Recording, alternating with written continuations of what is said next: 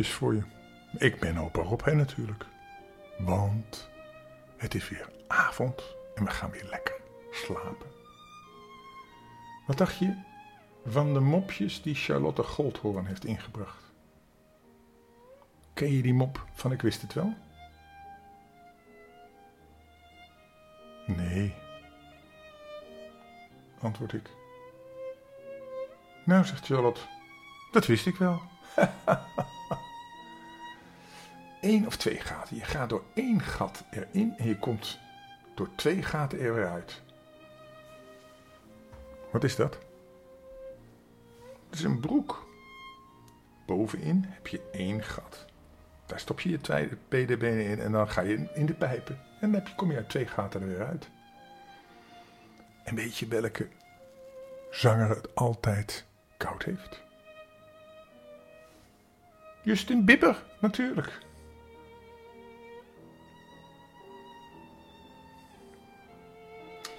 Het is zwart, met wit. En het ligt op het dak. Nou, dat is natuurlijk een dakpanda, dat snap je toch ook wel. Moeder, Oscar eet je brood op. En Oscar zegt, waarom moeder, ik vind het niet lekker. Nee, zegt moeder, maar dan word je niet sterk en groot. Maar waarom moet ik groot en sterk worden? Nou, om later goed te kunnen werken. Maar waarom moet ik dan werken? Ja, om je brood te verdienen natuurlijk. Maar ik lust helemaal geen brood. Dat is ook wat, hè. Dat is ook wat.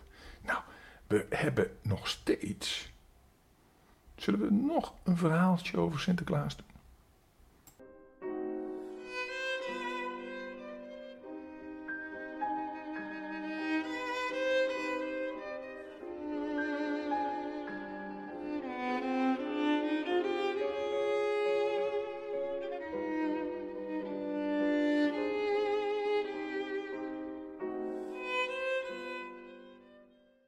Gaan weer wat van Sinterklaas vertellen. Maar we beginnen, dat weten we natuurlijk altijd. Het is in Spanje veel warmer dan in Nederland. En met name die pieten, die vinden het altijd zo koud. Maar die hebben er wat op gevonden.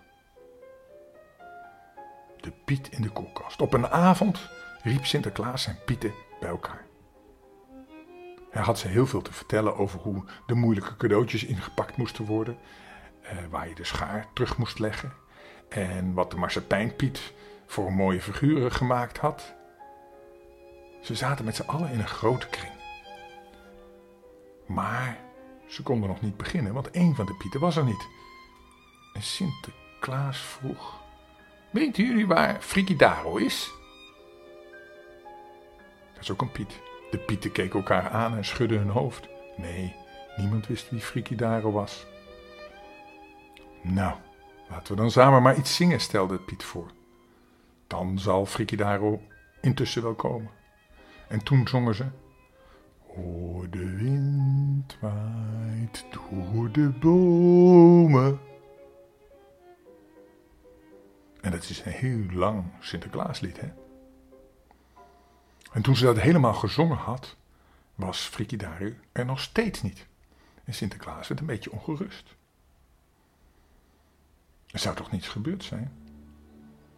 We gaan hem zoeken, zei hij. Jij kijkt in de slaapkamer en jij op zolder. En jullie twee gaan naar de tuin. En in een mum van tijd hadden ze allemaal gezocht en gezocht. In alle hoekjes van het paleis. Er waren deuren dichtgeslagen en er was heel hard Frikidaro geroepen. Maar er kwam geen antwoord. Nee, de stem van Frikidaro was niet te horen. Ook niet heel uit de verte. En toen begon het donker te worden en het werd bedtijd. Hebben jullie overal gezocht? vroeg Sinterklaas. Ja, zeiden de pieten. En ze noemden alles op, alle kamers, ook in de diepe kasten. Ja, Sinterklaas. En in de voorraadkasten, overal hadden ze gekeken. En toen kwam Sint in de grote keuken. En hier, vroeg Sinterklaas, hebben jullie hier ook gezocht? Ja, Sinterklaas, overal. Sinterklaas liet zijn ogen rondgaan langs het fornuis, over de witte aanrecht, en toen zag hij de grote koelkast. De hele grote koelkast. Waar soep in kan. Voor wel 24 pieten. En ineens had Sinterklaas het gevoel dat Frikidaro vlak in de buurt was. En daar, wees hij. Maar Sinterklaas, dat is een koelkast. Wie gaat er nou in een koelkast zitten? Sinterklaas liep er naartoe. Hij trok de deur open, het lichtje vloekte aan. En wie zat daar? Frikidaro, helemaal bibberend en verkleumd. Op zijn zwarte haren lag een laagje wit en op zijn dikke wenkbrauwen glinsterden ijskorrels. Sinterklaas, ik, ik zit in de koelkast, zei hij met een heel dun, dun, koud stemmetje. Ja, dat kan ik zien, zei Sinterklaas. En de pieten begonnen te lachen. Sinterklaas hielp hem eruit, zijn benen waren helemaal stijf. De pieten begonnen zijn rug te wrijven en zijn schouders. En toen werd hij gelukkig weer een beetje warm. En de Sint zei, waarom heb je dat nou gedaan? Ja, zei hij, Sinterklaas, ik wil zo graag een goede Piet zijn en ik wilde het graag heel goed doen. En vorig jaar, in het land waar u altijd uw verjaardag viert, was het zo koud. Zo koud dat er op een nacht allemaal witte dingetjes uit de lucht vielen. Ach, sneeuw, riepen de Piet. Ja, sneeuw en hagel en zo koud, Sinterklaas. En daarom dacht ik, ik ga in de koelkast zitten om te oefenen, begrijpt u wel. Maar het was zo akelig daarbinnen en er kwam steeds maar niemand om eruit te halen. Een paar van de ijspolletjes rolden langs zijn wangen naar beneden en het leken net tranen. Sinterklaas zei, Gief, geef Frikidaro maar eens gauw een beker hete anijsmelk. Zijn tanden klapperden tegen de rand van de beker, maar gelukkig keek hij weer een beetje blijer. Nou, ik vind het fijn dat je graag een goede Piet wil zijn, zei Sinterklaas tegen hem. Maar dit is een beetje te veel van het goede. Van het kouwen, zul je bedoelen, fluisterde Frigidario. En toen bracht Sinterklaas hem naar bed. En hij mocht in bed tenminste zijn sok aanhouden. En dan hebben we ook nog een verhaal over de laarzen van Sinterklaas. Lieve kinderen, jullie zetten natuurlijk allemaal je schoen, zodat Piet er wat in kan doen. Maar weten jullie hoe het gekomen is dat alle kinderen hun schoen zetten? Nou, dat zal ik jullie eens vertellen. Lang geleden woonde er aan de oever van een vreemde rivier een arme visser en zijn vrouw. Ze woonden in een stenen huisje langs de oever. En de visser had een klein bootje om te gaan vissen. De visser en zijn vrouw hadden geen kinderen en dat bracht hen veel verdriet. Elke dag baden ze om een kindje en op een dag werd hun gebed verhoord. Ze kregen niet één kindje, maar ze kregen er twee tegelijk. Een tweeling, een jongen en een meisje. De visser en zijn vrouw waren zielsgelukkig met hun tweeling. De arme visser deed zijn best om veel vis te vangen voor zijn kinderen, maar de vis wilde niet bijten en zo bleven ze arm. Na een zomer met heel weinig regen stond het water in de rivier zo laag dat de visser ver moest roeien om nog vis te kunnen vangen. Zijn vrouw was hout aan het sprokkelen langs de oevers en de twee peuters speelden langs het water. Ze konden nog niet lopen en ze kropen over het zand. Ze zagen een heuveltje en daar wilden ze bovenop kruipen om te spelen. Maar de heuvel was eigenlijk een eiland midden in de rivier. En toen de tweeling daar op die heuvel rondkroop, wist hun moeder niet dat ze daar speelden. Ze hoorden de kleintjes wel kirren en lachen daar op die grote zandheuvel. Onverwacht begon het water in de rivier te stijgen. Want er viel regen in de bergen, in de verte. En dan stijgt het water in de rivier. Binnen enkele minuten zaten de twee peuters op een eiland, waar ze niet meer van af konden.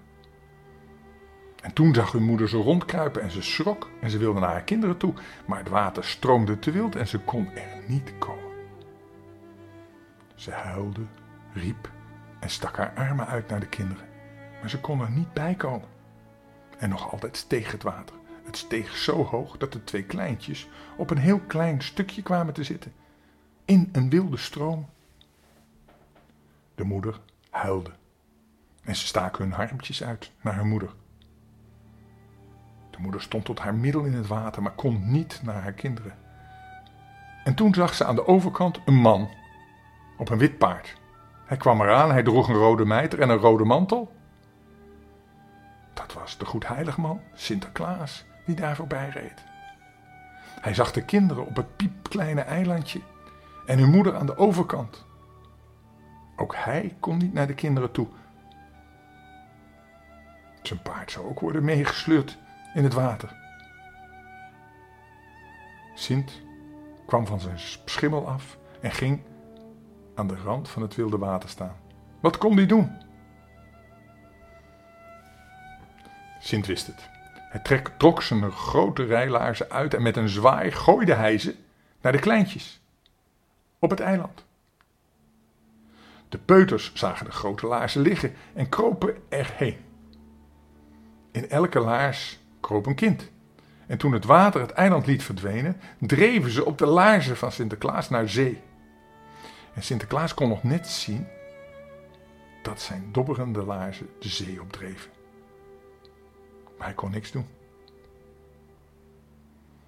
De oude visser was daar aan het vissen en zag ineens twee grote witte laarzen aankomen drijven. Hij hoorde kinderstemmetjes en tot zijn verbazing zag hij dat het zijn beide kinderen waren. Elk in een laars. Met zijn kleintjes en de laarzen roeide hij terug naar land. En daar stond de Sint op het strand te wachten op hem. De visser gaf Sint-Nicolaas zijn laarzen terug. Een wonder had zijn kinderen gered. En toen de verjaardag van Sinterklaas dichterbij kwam, zette de visser uit dank de schoentjes van de kleintjes bij de schoorsteen. Met hooi en een wortel voor het paard van Sinterklaas. En toen Sinterklaas die schoentjes zag staan, glimlachte hij en keek even naar zijn eigen laarzen. Hij was blij dat hij ze terug had. De wortel en het hooi waren voor, voor Americo. En de kinderen kregen van Sint iets lekkers in hun schoentjes. De kinderen vertelden de volgende ochtend aan hun vriendjes dat ze dat lekkers gevonden hadden in hun schoentje. En die geloofden dat eerst niet. Maar voor de zekerheid zetten ook die kinderen hun schoentjes bij de schoorsteen. En ook daarin deed Sinterklaas iets lekkers. En vanaf die dag deden alle kinderen het zo. Ze zetten hun schoen bij de schoorsteen en er staat iets lekkers in. Dat doe jij toch ook? Nou, zo zijn we onze schoen gaan zetten. Als je vanavond je schoen niet hebt gezet, mag het misschien morgen wel. Moet je aan je mama vragen. Want mama maakt altijd de afspraken met Sinterklaas. En dan weet je of het wel of dat het niet mag. Maar nu gaan we eerst slapen. Wilt rusten. Tot morgen. Ik hou van je. Dag.